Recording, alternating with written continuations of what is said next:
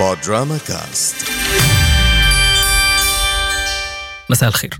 وأنا صغير التلفزيون المصري كان بيعرض نوعيات معينة كده من الأفلام وكان أكتر اتنين genres بيعرضهم بشكل تقريبا مستمر أفلام ال western وأفلام الحرب ال war movies اللي هي موضوعنا النهارده. في الأغلب كانت أفلام بتتكلم عن الحرب العالمية الثانية وتمجيد البطولات بتاع الدول الحلفاء وشفت منها أفلام كتير جدا جدا جدا يعني لأن هي كانت زي ما بقول لكم كده متوفرة بشكل كبير في التلفزيون وكانوا بيعرضوها بشكل تقريبا مستمر. طبعا بالنسبة لي كطفل بيحب الأكشن دي كانت آه، تتريت حاجة كده جميلة جدا. فيلم حرب طول الفيلم الناس بتموت في بعضها وضرب نار فكان ظريف. الفكرة إن بعد ما كبرت شوية وشفت بعض الأفلام دي مرة تاني لقيت إن في أفلام كانت عنيفة قوي بس يبدو إن الواحد وهو صغير ما كانش حساس زي الأطفال بتاعت اليومين دول. أنا حسام درويش ودي حلقة جديدة من 35 ملي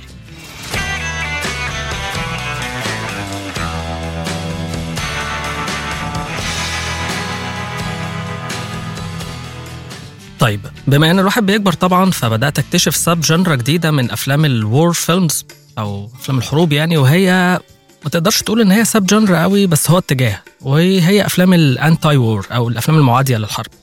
طبعا دي بالنسبة لي فيما يتعلق بأفلام الحروب بقت هي المفضلة بدل طبعا أفلام البروباجندا التافهة الهبلة اللي بيعملوها لتمجيد الحروب اللي هي أصلا أسخف حاجة الإنسان ممكن يعملها في نفسه وهي إن هم يعني البني آدم يقعد يتصارع مع ذاته علشان واحد فيهم يموت التاني وفي الآخر يموت نفسه. وافتكر هنا موقف كده كان حكاه ستانلي كوبريك وهو بيعمل فيلم آه، Dr. Strangelove أو بعد ما عمل الفيلم هو كان في دماغه إن هو يعمل الفيلم ده فيلم جد ما كانش عايز يعمل فيلم satiric يعني أو فيلم كوميدي. آه وفعلا كان عايز يعمل فيلم حقيقي عن الصراع النووي بين أمريكا والاتحاد السوفيتي لكن مع البحث لقى إن هو لا يمكن يعمل فيلم جد لأن الموضوع سخيف الموضوع أصلا مش معقول. قوتين عندهم كل واحدة فيهم عندها أسلحة نووية كتير جدا قادرة على إن هي تفني الأرض سبع مرات وهما الاثنين بيتصارعوا. فهو حاسس إن الموضوع ده مش جد ما ينفعش يكون جد. فعمل فيلم كوميدي اللي هو Dr. Strangelove حابب كمان أقول إن أفلام الحرب هي أفلام صعبة جدا سواء على الصانع بتاعها لو هيعمل فيلم بجد يعني أو حتى على المتلقي. هي بتتكلم عن غالبا صراع داخل فيه جزء كبير جدا منه ممكن يكون صراع سياسي أو صراع طائفي أو صراع عقائدي. فعشان تعمل فيلم جد ويوصل لناس كتير جدا أنت كصانع لازم تحاول تحيد على قد ما تقدر ميولك آه، أو حتى انتماءاتك. وده شيء صعب. وكمان المتلقي إن هو ما يبقاش واخد صف حد من الناس المتصارعة لأن مثلا إحنا بنشوف أفلام عن الحرب في العراق إحنا كعرب غالبا متعاطفين مع العراقيين آم، فعشان كده الموضوع بيكون صعب بيبقى صعب زي ما بقول لكم كده سواء على الصانع أو حتى المتلقي بيبقى محتاج إن الفيلم يكون معمول كويس جدا ومتهندس كويس جدا علشان يبين لك ال- الحرب نفسها مش ما يكونش فيلم بروباجندا ما يكونش فيلم دعائي وخلاص. طيب أنا في الحلقة دي هتكلم عن أربع أفلام آه، زي ما إحنا متعودين كده هناخدهم بالترتيب الزمني من الأقدم للأحدث. وفي أربع أفلام تانيين أنا حابب أعمل لهم honorable mention كده أو ذكر يعني في الحلقة دي. ولو حابين إحنا ممكن نبقى نتكلم عليهم في حلقة تانية بس أنا للأسف لضيق الوقت ما قدرتش إن أنا أعمل حلقة عن 8 أفلام. الأفلام اللي أنا هذكرها لكم دي هي The Deer Hunter إخراج آه، مايكل تشيمينو إنتاج سنة 78 1978 التاني هو Apocalypse Now فرانسيس فورد كوبولا طبعا 1979 الفيلم الثالث هو Full Metal Jacket ستانلي كوبريك 1987 والفيلم الأخير هو The Thin Red Line إخراج العظيم تيرنس مالك 1998 الفيلم ده للأسف يعني حصل له كده overshadowing زي ما بيقولوا إن هو نزل مع فيلم تاني كان مشهور قوي اللي هو Saving Private Ryan الاثنين نزلوا مع بعض والاثنين كانوا أفلام حربية. معظم ال credit راح ل Saving Private Ryan وهو طبعا نجح أكتر و The Thin Red Line إلى حد ما اتنسى. يعني آه قولوا لي لو حابين نتكلم عن الأربع أفلام دول في حلقة تانية جزء تاني لأفلام الحروب ده هيكون كويس جدا. طيب يلا بينا نخش على الحلقة بتاعتنا وناخد أول فيلم معانا.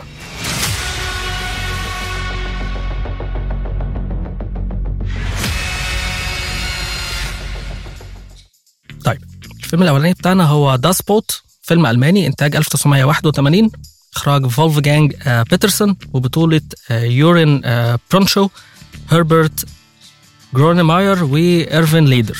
أتمنى إن أنا أكون بنطق الأسماء صح لأن هي أسماء ألمانية. فيعني لو في لخبطة أتمنى إن أنتوا تعذروني يعني. والفيلم بيحكي عن طاقم الغواصة U 96 الألمانية التابعة للجيش النازي في نهاية الحرب العالمية الثانية. ورحلتهم في المحيط للبحث عن المدمرات الإنجليزية ومحاولة إسقاطها. طيب حابب كمان أقول إن فيلم زي ده صعب كان صعب جدا في التنفيذ والكتابة لأن هو فيلم بيتكلم عن جنود ألمان جنود ألمان في الجيش النازي. وأنت في الوضع دوت صعب إن أنت تعمل فيلم بيتكلم عن جنود ألمان وما تقعش في فخ إن أنت تمجد النازية. وأظن إن بيترسون لعب اللعبة ديت بذكاء شديد جدا وهو إن هو اختار كاست معظمه من شباب صغيرين. فهم مش رجالة كبار انت تقدر تتعاطف معاهم. والحاجة التانية كمان بالمشهد الافتتاحي. المشهد الافتتاحي مهم جدا في فهم الفيلم ده وهو كمان بيقفل مع مشهد النهاية وبيعمل فور سيركل أو دايرة مقفولة. وهتفهموا لما تشوفوا الفيلم ده حصل إزاي. بيترسون كمان لعب لعبة يعني ذكية جدا وهي إنه وضح إن ضحايا ألمانيا النازية ما كانوش بس البلاد والشعوب اللي كانت الجيوش الألمانية بتجتاحها إنما كمان الجنود الألمان نفسهم والشعب الألماني جزء كبير جدا منه كان ضحية ألمانيا النازية وده باين جدا في الفيلم. في الحقيقة يعني على في بعض التقديرات إن اللي كانوا بينتموا للحزب النازي فعلا كألمان هم 20% 25% بالكثير من الشعب. باقي الناس بالذات في الجيش مثلا هم كانوا يا إما ضباط قدام كبار موجودين أصلا في الجيش الألماني قبل ما هتلر يستولي على الحكم وحتى الجنود. آه هم جنود بيخدموا بلدهم في الآخر في الأول أو في الآخر جوه الجيش. فما كانوش يقدروا يتهربوا مثلا من الخدمة العسكرية. وزي ما قلت لكم المشهد الافتتاحي لو دققتوا فيه كويس جدا هتقدروا تقروا الكلام ده كله. تقدروا تقروا إن الجيش ده نفسه جيش مش قوي. الجنود نفسهم ممكن يكونوا هم جنود مهزومين من قبل ما يحاربوا مش مقتنعين باللي هم بيعملوه. كان باين قوي كمان في الديالوج والمحادثات اللي كانت بين القادة الكبار قبل ما يخشوا الغواصة. تقدر تحس إن هم بين حاجتين بين إن هم ما يقدروش يسيبوا الخدمة وبين إن هم كمان صعبان عليهم الجنود أو الشباب الصغيرين اللي هيخشوا الغواصة ديت في حرب بلا طائل أو بلا هدف مهم. وبين إن هم كمان ما يقدروش زي ما قلت لكم إن هم يسيبوا الخدمة ويتهربوا منها. الفيلم بالرغم من إن هو فيلم حربي إلا إن هو ما فيهوش معارك كتير. تقريبا إحنا ما بنشوفش معارك خالص في الفيلم. لكن كل الشدة وكل الانتنس اللي موجود في الفيلم معمول شغل إخراج. معمول ب close ups معمول بالمزيكا معمول بحركة الكاميرا اللي هي برضو حركة ضيقة جدا لأن الفيلم ده عشان يتصور هم فعلا بنوا أنبوبة مطابقة تقريبا للغواصات ال U اللي هي الموديل بتاع ال U دوت اللي كانت ألمانيا بتستخدمها. بناء الديكور استغرق تقريبا سنة ونص والفيلم اتصور في 11 شهر منهم سبع شهور داخل ديكور الغواصة. تقنيا وعلى مستوى التصوير الفيلم خلط بين style الأفلام ال documentary أو الأفلام التسجيلية والأفلام الدراما. فهو كان في مشاهد كتير جدا منه بيقدر يبين لنا الحاجة جوه الغواصه عاملة إزاي بشكل حقيقي جدا. الغواصات في الوقت دوت ما كانش فيها سونار فكانت بدائية إلى حد ما. وقدرنا نفهم من خلال الفيلم الناس دي عايشة جوه إزاي. تقدر تشوف من من الأول خالص وهم داخلين الغواصة شكلهم بيتغير مع كل ساعة بتعدي أو حتى كمان مع كل نص ساعة بتعدي من الفيلم. ما بيستحموش طبعا مفيش مية في حمام واحد بس لطقم طقم الغواصة كله. شكلهم مش بس بيتغير بأن هم شعرهم بيطول ودقنهم بيطول لأ شكلهم ملامحهم نفسها بتتغير بتقسو أكتر بتبقى فقيرة أكتر بتبقى منهكة أكتر. ده باين جدا في الفيلم. تقدر تشوفه من أول مشهد وآخر مشهد للشخصيات دي بقى شكلهم اتغير بالكامل.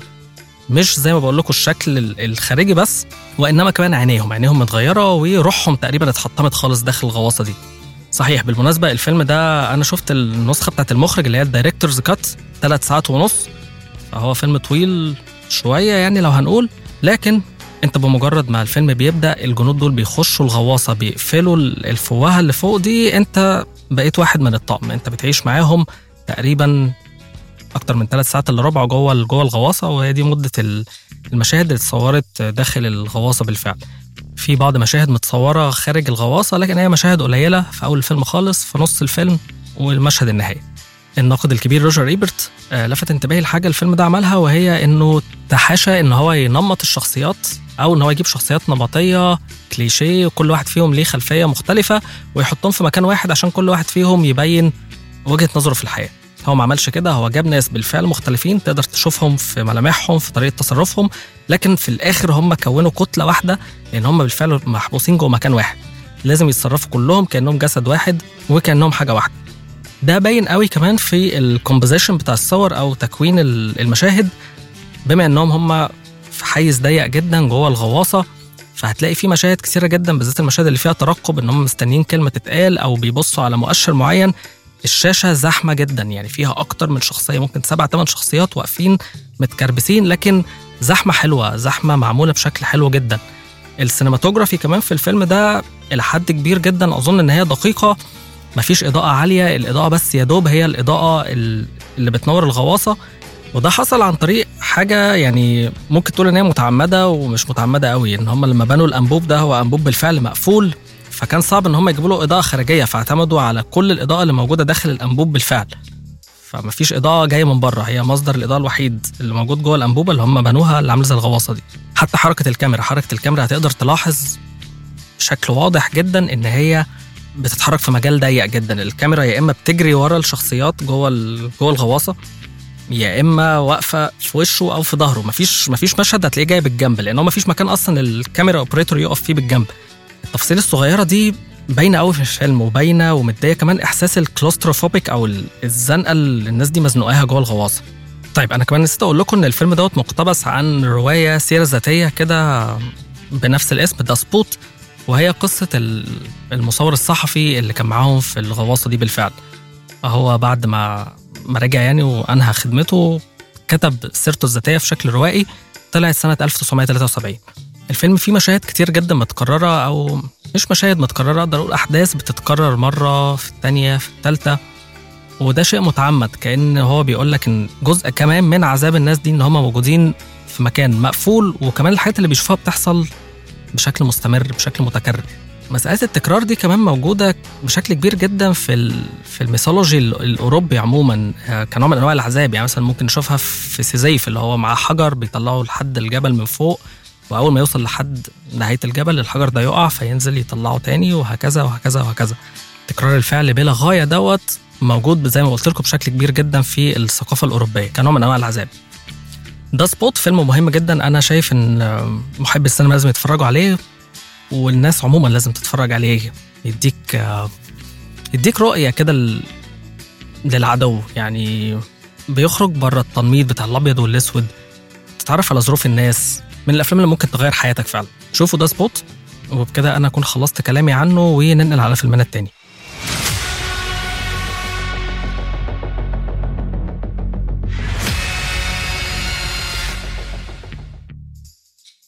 الفيلم التاني. فيلمنا التاني هو Come and See إنتاج سنة 1985 وهو إنتاج الاتحاد السوفيتي. إخراج آه، إليم كليموف وبطولة إليكسي كرافاشينكو وأولجا ميرينوف. الفيلم بيحكي قصة طفل كده على أعتاب المراهقة اسمه آه، فلورا. وهو بيروح يتطوع في المقاومة البيلاروسية لمواجهة الاجتياح النازي. والفيلم حرفيا هو عبارة عن سلسلة من الكوابيس. يعني هو كابوس ورا كابوس ورا كابوس لحد ال climax اللي في آخر الفيلم.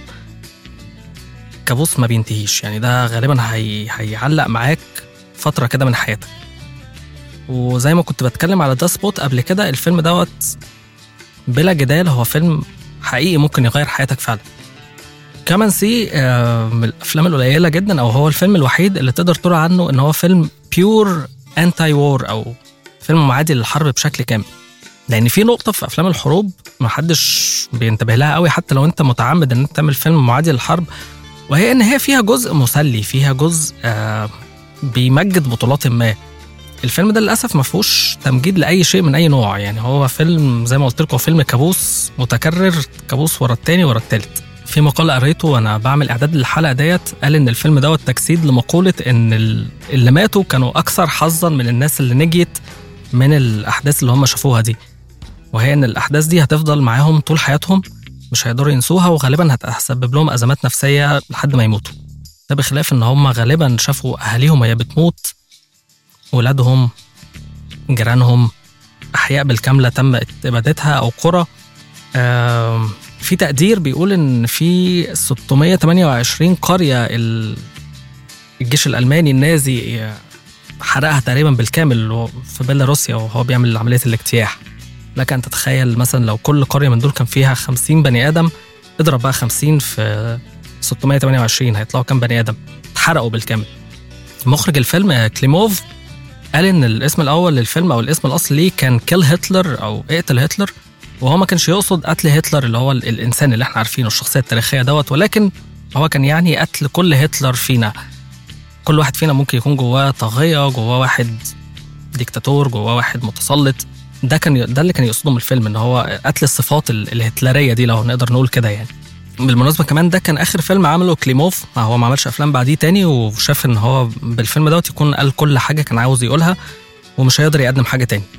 تصوير الفيلم جه في معظمه بكادرات ثابتة وده علشان ينقل لنا حاجتين آه الإحساس الوثائقي للتصوير وهي إنك شايف كادر ثابت آه صورة ما بتتغيرش إلى حد ما ومشاهد طويلة والمشاهد الطويلة عملت برضو أكتر من حاجة منها إن هي كانت بت بتكبر قوي المشاعر والأحاسيس خصوصا إن هي كانت بتبقى كلوز ابس على ال...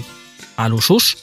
وفي مشاهد العنف أو التعذيب كانت بتدي للمشاهد وقت طويل قوي إن هو يعيش المشهد دوت فبتمتص كل المشاعر اللي هو عاوز يقولها لك. فيلم Come and See اتصنف إن هو أكتر فيلم مرعب لا ينتمي لفئة أفلام الرعب.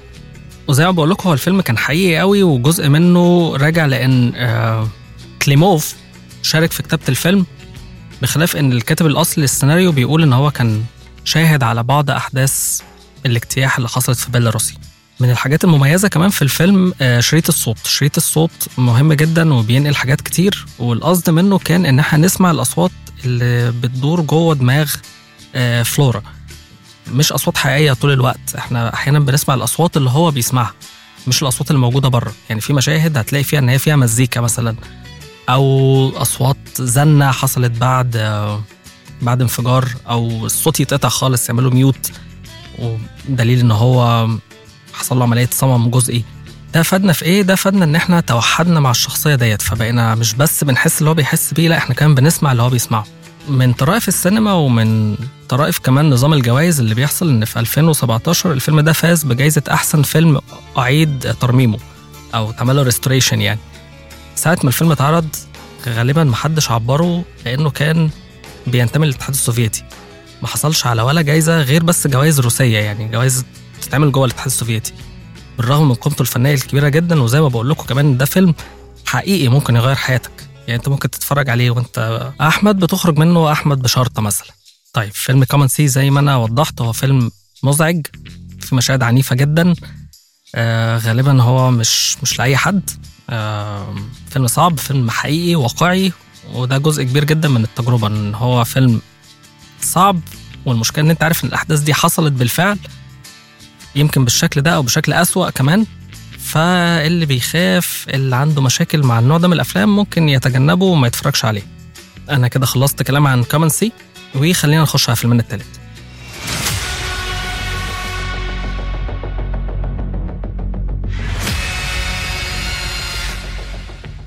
طيب فيلمنا التالت هو بلاتون انتاج سنة 1986 كتابة وإخراج آه، أوليفر ستون وبطولة توم برينجر ويليام دافو تشارلي شين فورست ويتكر جون سي ماكجينلي والفيلم كمان كان فيه آه، جوني ديب ظهر في ثلاث أربع مشاهد كده وكان صغير جدا لسه.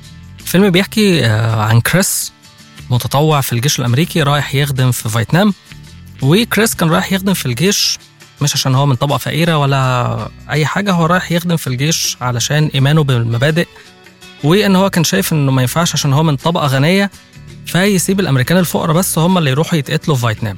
بيوصل وبعد فترة بيكتشف إن حتى الجيش الأمريكي نفسه أو على الأقل الوحدة اللي هو كان فيها منقسمة ذاتيا فيها جناحين. فيها جناح نقدر نقول إن هو يميني مثلا وجناح تاني أقرب للهيبيز. الفيلم ده يعتبر فيلم شخصي جدا بالنسبة لأوليفر ستون. أوليفر ستون خدم في فيتنام كجندي. وهو زي ما قلت لكم هو اللي كاتب الفيلم. كتب الشخصيات معظمها من ناس كانوا معاه في الجيش زملاء ليه أو قادة حتى وهو ما كانش في دماغه إن هو اللي هيخرج الفيلم يعني. هو كتب الفيلم وسابه بقى خلاص في الدرج واعتبروا إن خلاص أفلام الحرب الفيتنامية دي راحت عليها لحد ما مايكل كيمينو المخرج بتاع The Deer Hunter راح لأوليفر ستون قال له أنا عايز أعمل الفيلم بتاعك. وحتى إن إن ستانلي كوبريك دلوقتي بيعمل فيلم عن حرب فيتنام فيبدو إن حرب فيتنام راجعة تاني كموضة. الكلام ده حصل تقريبا سنة 83 والفيلم بدأ يتصور بعديها بسنتين ثلاثة زي ما قلت لكم هو الفيلم أصلا إنتاج 86 فمن اللحظة دي لحد ما الفيلم طلع ثلاث سنين. لكن اللي حصل كمان إن أوليفر ستون هو اللي أخرج الفيلم بنفسه. زي ما قلت لكم ده فيلم يعتبر شخصي جدا فهو حب إن لأ أنا اللي هعمل الفيلم ده. بما اننا كمان بقى بنتكلم عن الأسباب الشخصية أنا حاطط الفيلم دوت في القائمه بتاعتي لأسباب شخصية محضة. فيلم The Platoon كان عندي على شريط فيديو VHS واتفرجت عليه يمكن عشرات المرات. كان موجود عندي كده على ال program بتاعي إن أنا كنت كل يوم الصبح في أفلام معينة بتفرج عليها بشكل دوري. يعني النهارده كذا بكرة كذا بعده كذا. الأفلام دي تخلص على نهاية الأسبوع ويتكرروا. ويبدو برضه إن الواحد وهو طفل كان عنده القدرة إن هو يتفرج على حاجة أكتر من مرة من غير ما يزهق. من المواقف كمان اللي حصلت في فيلم The Platoon ده إن أنا قبل ما أتفرج عليه في أحد المشاهد المهمة جدا في الفيلم اتحرق لي بسبب برنامج كان بيجي على القناة التانية كان اسمه أظن تيلي سينما تيلي سينما أنا مش عارف أصلا أنتوا فاهمين إيه موضوع القناة الأولى والثانيه دوت هو التلفزيون المصري أصلا زمان كانوا هما ثلاث قنوات وكان ليهم وقت عرض معين يعني ما كانوش 24 ساعة. كانوا بيفتحوا مثلا الساعة 10 ويقفلوا الساعة 12 واحدة. المهم ما علينا يعني. فكان في فيلم آه آسف كان في برنامج بيجي على القناة الثانية اسمه تيلي سينما يجي يوم الجمعة بعد صلاة الظهر كده وبيعرض ال program بتاع أفلام القناة الثانية كلها على مدار الأسبوع. فكان بيقدمه الله يرحمه يوسف شريف رزق الله يتكلم عن الفيلم بيعمل synopsis كده ظريف فيلم إخراج مين بطولة مين والفيلم بيتكلم عن إيه؟ وبيجيبوا حتة من الفيلم. في فيلم بلاتون هو كان هيتعرض في برنامج اسمه أوسكار بيجي يوم الخميس عرضوا جزء من الفيلم مش لازم الجزء ده يتحرق واللي شاف الفيلم عارفه واللي ما شافوش هيعرف أنا بتكلم عن إيه. فأنا كان في جزء مهم جدا من الفيلم أنا داخل بتفرج على الفيلم وأنا عارف إن هو هيحصل. لكن أهمية الحرق غالبا ما كانتش مهمة لينا قوي وإحنا صغيرين فإحنا كنا بنتفرج بالرغم من إن إحنا عارفين إن الأحداث دي هتحصل. ليه بقى بقول لكم الكلام دوت؟ لأن أنا لما شفت الفيلم تاني بعد بعد شوية لما كبرت حسيت إن الفيلم لأ مش بنفس الجودة قوي اللي أنا كنت حاسسها. هو فيلم جيد طبعا وفيلم حلو. آه لكن مثلا لا يقارن بأفلام تانية أنا ما حطيتهاش في القائمه يعني مثلا لا يقارن ب The Deer Hunter مثلا أو حتى The Thin Red Line. هو أقل منهم أقل منهم بكتير في الحقيقة. يزال ويظل فيلم جيد جيد جدا بس مش بنفس قوة أفلام تانية. ليه بقول كده؟ آه لنقطتين. آه أوليفر ستون في سيناريو الفيلم كان كان في وشك قوي يعني. كان في حاجات حسيت إن هي بالمعلقة يعني. بيقول لك المعلومات ووجهات النظر والمواقف بشكل مباشر زيادة عن اللزوم. حاجة تانية ضايقتني أو مش ضايقتني بس خدت بالي منها ال cinematography. بالرغم من إن مدير التصوير في الفيلم دوت واحد من الناس اللي أنا بحبها جدا اللي هو ريتشاردسون روبرت ريتشاردسون. إلا إن مشاهد الليل اللي كانت متصورة في الضلمة يعني بالليل كنت حاسس إن هي لأ منورة زيادة عن اللزوم إضاءة مش طبيعية. فكانت باينة إن هي لأ دي مش لا يمكن الناس دي تكون في غابة بالليل كانت منورة قوي. يعني هي نقطة تقنية ممكن محدش ياخد باله منها بس أنا ضايقتني سيكا يعني. حاجة كمان بقى بما إني برضو بتكلم عن ذكرياتي مع الفيلم يعني وأنا طبعا صغير كنت معجب جدا بشخصيات ويليام ديفو إلياس وتشارلي شين. هم دول الأبطال بتوع الفيلم يعني. لكن لما كبرت شفت الفيلم مرة تانية وثالثه ورابعة لقيت إن الدور اللي قوي فعلا كان دور آه توم برينجير. وبالمناسبة كمان هو يعني أول واحد اسمه اتحط على الفيلم يعني في ال titles هو الاسم الأولاني في ال في ال credits. طيب من الناحية التقنية الفيلم ده إلى حد كبير جدا هو فيلم مطابق للواقع والأحداث اللي حصلت بالفعل. آه في صور من حرب فيتنام لو قارنتها بالكادرات اللي موجوده في الفيلم هتلاقيها تقريبا هي هي نفس الصور نفس الكادرات. الفيلم حقيقي جدا واتقال عنه ساعتها إن هو أكتر فيلم معايش للحرب أو محاكي للحرب. اتقال عنه إن هو realistic يعني. أوليفر ستون عمل ده إزاي؟ عمله بإن هو خد الشباب الممثلين الظراف دول اللي هم كانوا معظمهم لسه لسه صغيرين في السن يعني مش نجوم. طلع بيهم على الفلبين عشان يصوروا الفيلم وجاب لهم مستشار عسكري من الجيش الأمريكي اسمه كابتن ديل داي كابتن ديل داي خد الشباب دي حطهم في الغابة العدة بتاعتكم يا أولاد. احفروا بقى لنفسكم معسكر واعملوا بيوت وخيم ويلا بقى كل اتنين يعيشوا مع بعض في إيه في حفرة. من الحاجات البايخة قوي كمان اللي كان بيعملها بيقول إن هو ما كانش بيسيبهم في أيام كتيرة جدا يناموا. كان ممكن يناموا ساعتين طول ال 24 ساعة وجوه الساعتين دول كمان كان بيقاطعهم يعني يخليهم يصحوا يعملوا حاجة ويناموا تاني. بعد مرور الأسبوعين دول على كلامهم الولاد اللي هم جايين من الولايات المتحدة مرفهين إلى حد ما شغالين في مجال التمثيل يعني مش في حاجة صعبة جدا. بدأوا يتحولوا واحدة واحدة إلى جنود حقيقيين. حاجة برضو من الحاجات اللي حصلت ساعدت إن الفيلم يطلع بالشكل دوت إن بعد ما طاقم الفيلم سافر الفلبين بأسبوعين حصل انقلاب عسكري. فالبلد بقت فعلا في حالة حرب وحالة ثورة. هم بيصوروا في الغابة مواطنين أمريكيين وحد من من الطاقم من ال crew يعني كان بيحكي إن أسهل حاجة كانت ممكن تحصل إن هم ياخدوا منهم اسرى ويتفاوضوا بيهم بقى مع أي حد بعد كده. الكلام ده كله هو بيحصل في الخلفية كان موجود جوه راس الممثلين فكمان كان باين في الشاشة. أوليفر ستون صور الفيلم تقريبا بنفس التسلسل الزمني للأحداث يعني صورها برضه كمان بداية وسط نهاية في أغلب الفيلم. وجون سي ماكجينلي كان بيحكي ان إن اللي كان بيموت جوه الفيلم كان بياخد طيارته ويرجع تاني على أمريكا. فالطقم مثلا لو كان بادئ ب 20 ممثل بدأ يقل ل 12 7 6 لحد ما اتبقى عدد قليل جدا آخر الفيلم. ده عمل إيه؟ ده عمل إن طقم الفيلم كان بيحس فعلا إن هم في ناس بتفارقهم وتمشي. ده كان بيبان عليهم. طيب فيلم بلاتون اتكلف 6 مليون دولار ولو شفتوا الفيلم مش هتحسوا خالص إن هو فيلم فقير. يعني تحس لا في في صرف في طيارات هليكوبتر في تفجيرات في أسلحة في extras ودي صياعة مخرج يعني إن هو بميزانية محدودة يقدر يعمل لك فيلم يبدو إن هو ضخم جدا. ده كمان هنشوفه في فيلمنا الجاي. بلاتون عمل أرباح كام بقى؟ عمل أرباح 138 مليون حول العالم. فطبعا كان نجاح كبير جدا بالرغم من إن البنتاجون ساعتها ما ساعدش الفيلم خالص. أوليفر ستون دايما بيحكي إن هو كان في مقاومة للفيلم ده إن هو يطلع.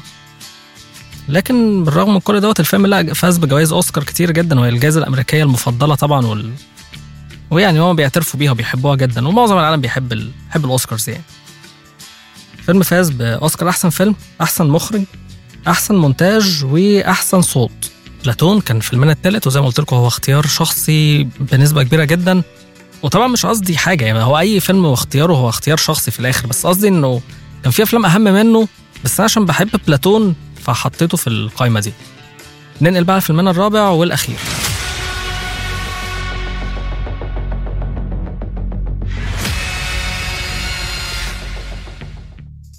الفيلم الرابع The Hurt Locker إنتاج 2008 إخراج كاترين بيجلو بطولة جيرمي رينر وأنتوني ماككي. الفيلم بيحكي عن وحدة تابعة للجيش الأمريكي موجودة في العراق وهي الوحدة الخاصة بتفكيك القنابل والعبوات الناسفة والسيارات المنفجرة.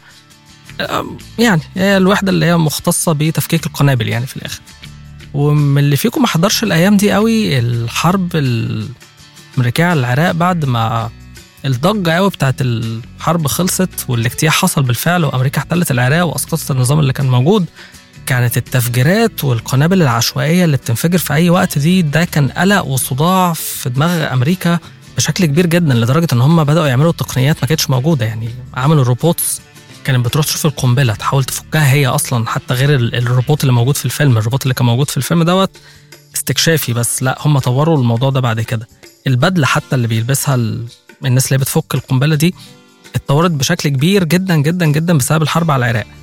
فمسألة القنابل دي لا دي كانت كانت جزء كبير من الحرب اللي موجودة. ده يمكن كان جزء كبير جدا من اختيار الفيلم دوت وهو إن هو بي بيورينا حرب إحنا ما شفناش قبل كده. حرب ما فيهاش جيشين وبيتقاتلوا. لا هو أنت في وحدة موجودة جوه مدينة. المدينة دي تقريبا بالكامل معادية ليهم. يعني أنت هتشوفوا ده في الفيلم حتى في في مشاهد كتير جدا هم مش قادرين يحددوا الخطر جاي منين. جاي من المدنيين العاديين اللي ماشيين في الشارع أي حد باص من البلكونة هو تهديد للجنود الأمريكان. أي حد بيعدي الشارع أي واحد واقف قدام محل هو تهديد لأن هم الفيلم قدر يبين لنا قوي وينقل لنا الصورة دي إن الناس دي مزروعة أو مش مزروعة موجودة في مكان بالكامل معادي ليهم. سيناريو الفيلم كمان عمل حركة ذكية إن هو ما خلاش فيه آه، قوات مضادة أو حتى ال- القنابل اللي كانت بتتزرع دي مش شرط إن هي كانت مستهدفة للجيش الأمريكي. آه، هي كانت محطوطة بشكل عشوائي أحيانا في مدارس أحيانا في في الشوارع ناس بتعدي منها مدنيين زي ما قلت لكم. فده خلى إلى حد ما مفيش التحزب أو ال... إن أنت تبقى واخد معسكر حد منهم. لا في الآخر الفرقة دي زي ما هي بتواجه أو معادية لل- للشعب العراقي لو هنقول كده يعني. لا هي كمان بتحاول تحميهم لأن في تفجيرات عشوائية وده كان بيحصل في الحقيقة. يعني السنة والشيعة كانوا بيفجروا بعض ولحد فترة قريبة أنا مش عارف أنتوا فاكرين الكلام ده ولا لا. بس لحد ما أمريكا كانت موجودة في العراق كانوا بيضطروا يفكوا القنابل دي مش تكرما منهم لكن عشان هي كان ممكن تنفجر فيهم هم يعني. كاترين بيجلو استخدمت تكنيك في التصوير بتاع الفيلم دوت وهو ال random shots اللي هو قريب من ال shaky cam بس هو مش ال shaky cam هو ال random shots هي الكاميرا ملهاش ما بتصورش حاجة معينة هي الكاميرا بتتهز كده وبيديك إحساس ب لو لو بتتفرجوا على المراسلين الصحفيين اللي هم بيصوروا فيديوهات ويحصل إطلاق نار هتلاقوا إن الكاميرا كأنه هو ماسكها في إيده وبيجري بيها. وده اللي بيحصل فعلا ال- الفيلم بيعمل بيحاول يحاكي ال- الحركة دي للكاميرا. وده خلانا جوه الفيلم قوي أو جوه الأحداث حتى مش جوه الفيلم كأنك بتتفرج على شيء حقيقي. طيب حابب أتكلم شوية عن ال opening sequence بتاع الفيلم المشهد الافتتاحي؟ المشهد الافتتاحي في فترة لحد ما قصيرة مش كبيرة قوي قدر يعرفك على كل الشخصيات اللي هتبقى فاعلة بعد كده في الفيلم. قدر يعرفك على وحده تفكيك القنابل دي عاملين إزاي علاقتهم ببعض شكلها عامل إزاي بيهتموا بإيه نوع الخطر نفسه اللي بيواجهوه عامل إزاي. وواحدة واحدة مع تصاعد الأحداث والتوتر بيزيد بتقدر آه، كاترين بيجلو عن طريق قطعات مونتاج معينة تكثف قوي من إحساس التوتر والترقب ده. لدرجة إن زي ما بقول لكم أنت مش بتحس بس إن أنت بتتفرج على فيلم أو إن أنت حتى بتعايشه لأ أنت بقيت جزء منهم. يعني أنت جزء من الناس اللي قاعدة مستنية قنبلة هتنفجر مش تنفجر تنفجر في مين؟ هل هتموت حد ولا لأ؟ هيقدروا يفككوها؟ ده بيحصل طول الفيلم بقى. الفيلم كله كده. تفاصيل كمان صغيرة جوه الفيلم بتفرق قوي في تجربة المشاهدة وهي إن كاترين بيجلو في مشهد مثلا زي مشهد القناصة عملت close ups على حاجات دقيقة قوي. يعني مثلا عملت close up على الجندي وهو بيحاول يشرب عصير معين عشان يديله طاقة. بيبين لك إن هم بقى لهم فترة طويلة جدا واقفين ومستنيين في الشمس وفي الحر مع كل العدة اللي هم شايلينها ونهيكوا بالكامل العرق اللي موجود الذباب حتى والدبان اللي هو بيقف على وش الجندي وهو ما يقدرش يغمض عينه لأنه لو غمض عينه ممكن ال- اللي في الناحية التانية اللي هو بيحاول يصطاده يعدي من غير ما يشوفه. التفاصيل الصغيرة دي عن طريق ال close up كانت باينة قوي ومكثفة في المشهد ده بالذات. The Locker اتصور في الأردن وجزء كبير جدا منه كمان اتصور في مخيمات آه، إخواننا الفلسطينيين اللاجئين هناك. وميزانية الفيلم اتكلفت 15 مليون دولار. ولو شفتوا الفيلم برضه هتقدروا تعرفوا إن هي ميزانية زهيدة جدا باللي كاترين بيجلو عملته على على مستوى الصورة يعني. زي ما كنت بتكلم في بلاتون المخرج الكويس مش محتاج ميزانية كبيرة قوي. هو بيقدر إن هو بالإمكانيات اللي معاه يطلع صورة كويسة جدا. وإن اللي هو عايز يقوله؟ عملت ده إزاي؟ لا عملته عن طريق حاجات كتير جدا. هي كانت بتوفر حتى في في المكيفات. يعني كان أحيانا الناس بتنام من غير تكييف عشان يوفروا حق الكهرباء. في مشهد كمان أنا حابب أتكلم عليه قبل ما أنهي كلامي عن The Hurt Locker وهو مشهد في نهاية الفيلم خالص. مشهد السوبر ماركت بعد ما آه، الشخصية اللي بيلعبها جيرمي رينر بترجع مرة تانية للوطن وهو واقف قدام صفوف ال... الأصناف في السوبر ماركت مش عارف يختار إيه وحاسس إن هي مهمة صعبة جدا بالنسبة له. وإن حياته فقدت ال- المعنى أو فقدت الحاجة اللي هو كان عاوز يعملها. المشهد ده بيرد على أول line خالص أو أول quote قبل حتى ما الفيلم يبدأ اتقال أو ظهر لنا على الشاشة يعني وهي إن الحرب إدمان. الغريب إن معظم الناس اللي كانت مشاركة في الحقيقة يعني في الوحدات اللي هي بتاعت تفكيك القنابل قالت إن الموضوع ده حقيقي. إحنا بعد ما رجعنا الوطن افتقدنا كل الأدرينالين وال- والإثارة اللي كانت بتحصل لنا هناك. طيب كاترين بيجلو في الفيلم دوت فازت بأوسكار أحسن مخرجة وهي أول مخرجة ست تفوز بالأوسكار. فطبعا ده كان ساعتها حدث. الفكرة إن كاترين بيجلو ما فازتش بالأوسكار عشان هي واحدة ست لا هي عشان مخرجة كويسة جدا ومن أكتر المخرجين اللي أنا بحبهم عموما ليها أكتر من فيلم في قائمة افلامي المفضلة.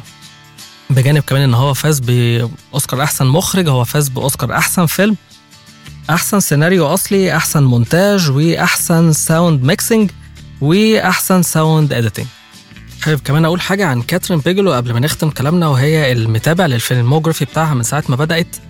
هيلاحظ تغيير في استخدامها للعنف. كاترين بيجلو بتعمل أفلام اكشن فاستخدامها للعنف اتغير من استخدام entertaining على طريقة تارانتينو مثلا مغري جدا و fancy قوي لاستخدام لا درامي أكتر مؤثر عاطفي. ففي آخر أفلام ليها لا هي بدأت تستخدم العنف بشكل ينقل لك إحساس معين مش بالشكل اللي هو الفوضوي ال- الممتع زي ما بقول لكم كده اللي هو بتاع افلام التسلية يعني. طيب أنا كده خلصت الحلقة بتاعت النهارده. آه قولوا لي لو شفتوا الأفلام ديت إذا كانت عجبتكم أو لأ واللي ما شافهاش يا ريت يتفرج عليها. وحاجة كمان الأفلام اللي أنا ذكرتها في بداية الحلقة خالص ال honorable mentions لو عايزين نعمل عليها حلقة قولوا لي الكلام ده برضه. اشوفكم إن شاء الله الأربع الجاي. سلام.